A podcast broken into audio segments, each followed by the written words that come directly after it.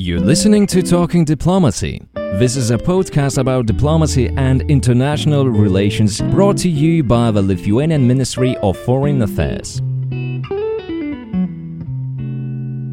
August 23rd. It is an ordinary day for many people worldwide but not to the countries that were heavily affected by the secret protocols of Molotov-Ribbentrop Pact. Discussing this Nazi-Soviet pact in one of his articles, Edward Lucas, analyst and security expert, called it the most horrific episode in the history of diplomacy of the 20th century. So, what was this pact, and how come, paradoxically as it sounds, the non aggression pact paved a way for World War II? In this episode, we will delve deeper into the mystery surrounding the pact between Nazi Germany and the Soviet Union.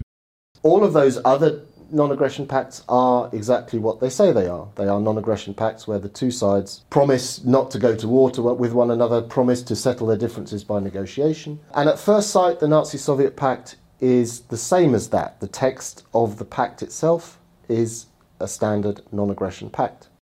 Roger Moorhouse is a historian specializing in modern German and Central Europe history and a visiting professor at the College of Europe in Warsaw. In this episode, he is sharing the insights on the impact and consequences of the Soviet Nazi Pact.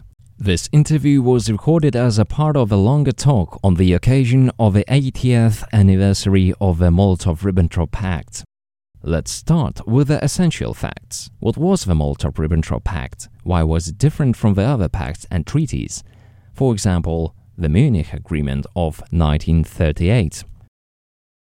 The Nazi-Soviet Pact, the Molotov-Ribbentrop Pact of 1939, is an essential uh, part of the of the development of diplomatic relations in in the run-up to World War II. It's an essential green light given by Stalin to Hitler to his war plans. It's signed on the 23rd of August 1939 in Moscow between the German Foreign Minister Ribbentrop and the uh, Soviet Foreign Minister Molotov. And at first sight, it's essentially just another non aggression pact. There are a lot of non aggression pacts being signed in the 1930s. It's quite a common uh, diplomatic instru- instrument between nations. All of those other non aggression pacts are exactly what they say they are. They are non aggression pacts where the two sides promise not to go to war to with one another, promise to settle their differences by negotiation. And at first sight, the Nazi Soviet pact is the same as that. The text of the pact itself is a standard non aggression pact.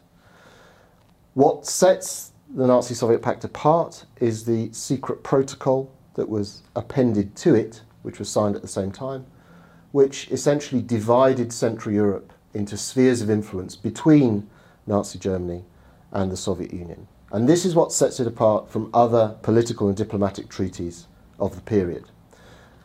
The comparison that's often made, particularly in the Soviet and then later the Russian narrative and the Russian historiography, is to compare the Nazi Soviet pact with the Munich Agreement of September 1938 and the Munich Agreement was the instrument by which the British and the French essentially dismembered Czechoslovakia to meet German territorial demands. The demand uh, from Hitler that uh, the Sudetenland, the German inhabited area of, of Bohemia and Moravia, should be uh, ceded to Germany.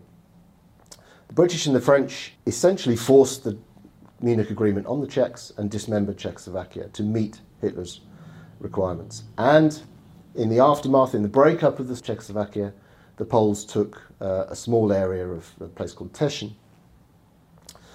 Now, the comparison is often made, particularly by the, by the Russians, that uh, you know, that was very, in every way comparable to the Nazi Soviet Pact, but that's really rather disingenuous. The Munich Agreement, however, in retrospect, wrong headed it was, was an attempt to secure peace. The Nazi Soviet Pact and its secret protocol was a treaty for war. They are fundamentally different. So the Molotov-Ribbentrop Pact, or the Nazi-Soviet Pact, was a, a non-aggression pact signed between uh, Nazi Germany, Hitler's Germany, and the Soviet Union, uh, signed on the 23rd of August 1939, and it contained within it a secret protocol. Crucially, this is what marks out the Nazi-Soviet Pact contained within it a secret protocol which divided up Central Europe into spheres of influence between Nazi Germany and Stalin's Soviet Union. So this paved the way for World War II and essentially for the division of Central Europe. The signing of the pact was announced and documented. There are even photographs from that time. But the public didn't know about the secret protocols. Or did it? There are whispers at the time, just after the signature of the Nazi Soviet Pact, that there were there was a secret protocol attached to it, and, and very broad suggestions of what that uh, what information those protocols might contain. But it wasn't really made public until after the war. Um, the protocols were raised at the Nuremberg trials in 1945-46, but the Soviets were very keen to uh, prevent the Nazi-Soviet pact being uh, an issue being brought up at the, at the Nuremberg trials, and they effectively prevented that from happening. So they prevented any discussion of the wider implications of the pact. Um, so it took really until 1948 for the protocols, first of all, to be published. Uh, and that happened uh, in a, uh, a, tranche of documents which had been um, found by the Americans uh, post war, German documents which was found by the Americans, and were subsequently published in 1948 by the State Department. Uh, and that was the first time that the text of the secret protocol was made public. And the Soviet reaction was very interesting. The Soviets essentially uh, claimed that these were falsifications, that these were forgeries. Um, the Soviet policy was not to deny the Nazi Soviet pact because that had been made public, but particularly to deny the secret protocols. So they denied the existence of the secret protocols right up until 1989. Uh, interestingly, uh, Vyacheslav Molotov, who had signed the, the, pact and signed the secret protocol, uh, denied the existence of the secret protocols right up to his death in 1986. Uh, so that was official Soviet policy until 1989, was to deny the existence of the secret protocols. It is only 1992 when the secret protocols were declassified. It was the order of Boris Yeltsin, the first president of Russia, since then, academics and society try to understand the full impact that the signing of the protocols brought. What were the actual consequences of the protocols for Europe? We have to understand that it is down to the secret protocols that Central Europe is divided between Nazi Germany and the Soviet Union in 1939.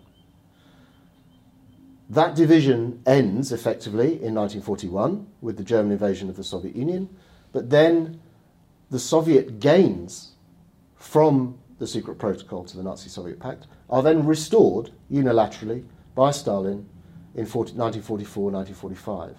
So, all of those gains that he took in concert with Hitler in 1939, he reclaims when the Red Army sweeps westward in 1944 45. The Baltic states are particularly grievously affected uh, by the secret protocol, by the Nazi Soviet Pact, because, of course, that was the instrument by which the Baltic states were incorporated into the Soviet Union in 1939 1940. Um, and that became then the same, if you like, legal instrument by which they were reincorporated in 1944 45. So the secret protocol, particularly, but the Nazi Soviet pact more generally, became the basis upon which uh, the national life of the three Baltic states was effectively destroyed, was effectively disrupted by that incorporation into the Soviet Union. So that became effectively the legal basis for uh, the incorporation into the Soviet Union, which was something that uh, the Baltic states uh, tried very hard to, to resist uh, but ultimately uh, unsuccessfully until uh, the end of the Soviet period.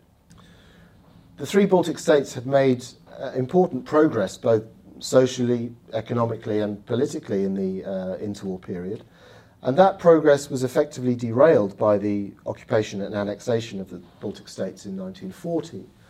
Uh, and from then on, until the end of the, the Soviet period in 1991, um, the Baltic states are effectively on a different trajectory politically and economically. That means they are part of the Soviet Union, they exist in a non democratic uh, political system, effectively a dictatorship. Um, they are part of a political and social and economic experiment that the Soviet Union was. Um, so it was really taken down a very different path, and one which was not terribly uh, uh, welcome or, or attractive to the majority of the population themselves. Uh, and of course, it included all of those uh, oppressive elements of Soviet rule, deportation, uh, the secret police, um, the, the, the, very tight restriction of, of uh, you know, any sort of discussion in the public sphere, that sort of thing. So it's a very difficult environment in which to exist. Um, so that, and all of that, of course, uh, the incorporation into the Soviet Union, the annexation, the occupation, uh, all came, all stemmed from uh, the Nazi-Soviet Pact. It has been more than 80 years since the Nazi-Soviet Pact was signed. Is it legitimate to say that its impact is felt particularly in the Baltic states to this day? Secret protocol is still felt, definitely, in the Baltic states. Um, it's one of those aspects that I think is, it, because it was so profound uh, during the, uh, the Soviet period, particularly, um, as almost as the ultimate sort of betrayal, the ultimate boo word in, in Baltic society at that time, um, that will take a long time to dissipate. And I think particularly the geopolitical position that the Baltic states find themselves in now, which is that they are small countries with a large country as their eastern neighbour, a large country that is traditionally quite expansionist and, and can be quite aggressive, uh, and still harbours ambitions to uh, perhaps reincorporate what it calls its near abroad. Um, those, it shows that the, the, problems that created the secret protocol and the pro- secret protocol embodied, those problems have not yet completely gone away. Uh, so the secret protocol is not yet, uh, has not yet been consigned to history, uh, unfortunately. So those pressures and those threats are unfortunately still there. Exactly 50 years after the pact, something extraordinary happened. People from Lithuania, Latvia, and Estonia gathered together to stand in the longest live human chain. It is now known as the Baltic Way. What is so fascinating about this campaign? The Baltic Way is, I think, particularly interesting because uh, it is, first of all, a mass protest.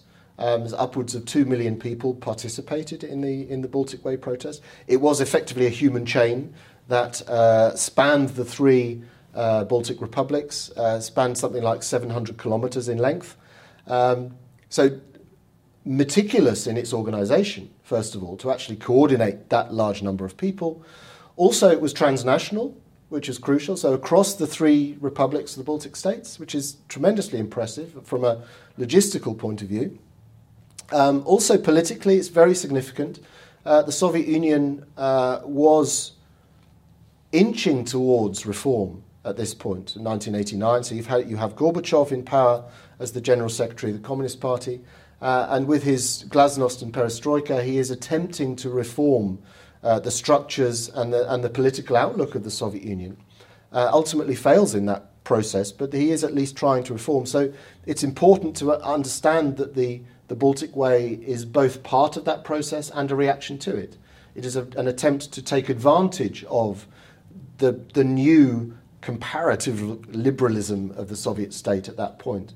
So it's interesting, for example, that, there, that there, there's not really much of an official crackdown in the aftermath of the Baltic Way, um, which is quite a, an interesting aspect. So it is, there is a, a propaganda counter narrative given by the, by the, uh, the Soviet press and others, but there's not much in the way of a clampdown, and that I think is quite important to, to recognize. What are the lessons from the Molotov Ribbentrop Pact's case today? It's important to remember that there were two totalitarian villains in World War II, uh, not one.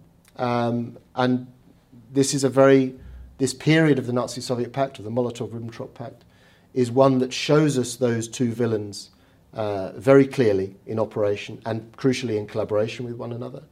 And it's an area that uh, has traditionally been, been airbrushed, has been forgotten from the Western narrative. For a modern world, uh, looking at that, uh, the story of the Molotov Ribbentrop Pact, um, I think it's a lesson in um, maintaining international alliances, maintaining international contact, uh, contacts, uh, and crucially, I think for those nations like the Baltic states who perhaps feel uh, occasionally nervous uh, with larger, perhaps more aggressive neighbours to, to one side or other, that they do uh, need to have foreign contacts. You can't uh, survive alone in the, in the modern world. Um, and to remind uh, the Western world that it sometimes needs to uh, go into bat, it needs to, to help out, uh, uh, have a commitment to the smaller nations within its uh, uh, political sphere. So it's a reminder of all of those, of the frailties really of the world that we live in, uh, that it's, there are still perils there uh, that need to be met and uh, uh, need to be guarded against. Today, August 23rd is known in many countries as a Black Ribbon Day, on which we commemorate the victims of Nazi and Stalin regimes. Europe still remembers the tragic events, but tremendous international efforts are also put to create and maintain the political structure that would discourage war and encourage cooperation and peaceful coexistence not only in Europe but worldwide. Thank you for listening. We hope that this episode at least partly filled the knowledge gap or sparked your curiosity to learn more about the less discussed events of history. Stay tuned for future episodes, and you can follow us on Facebook, Twitter, LinkedIn, and Flickr. Thank you.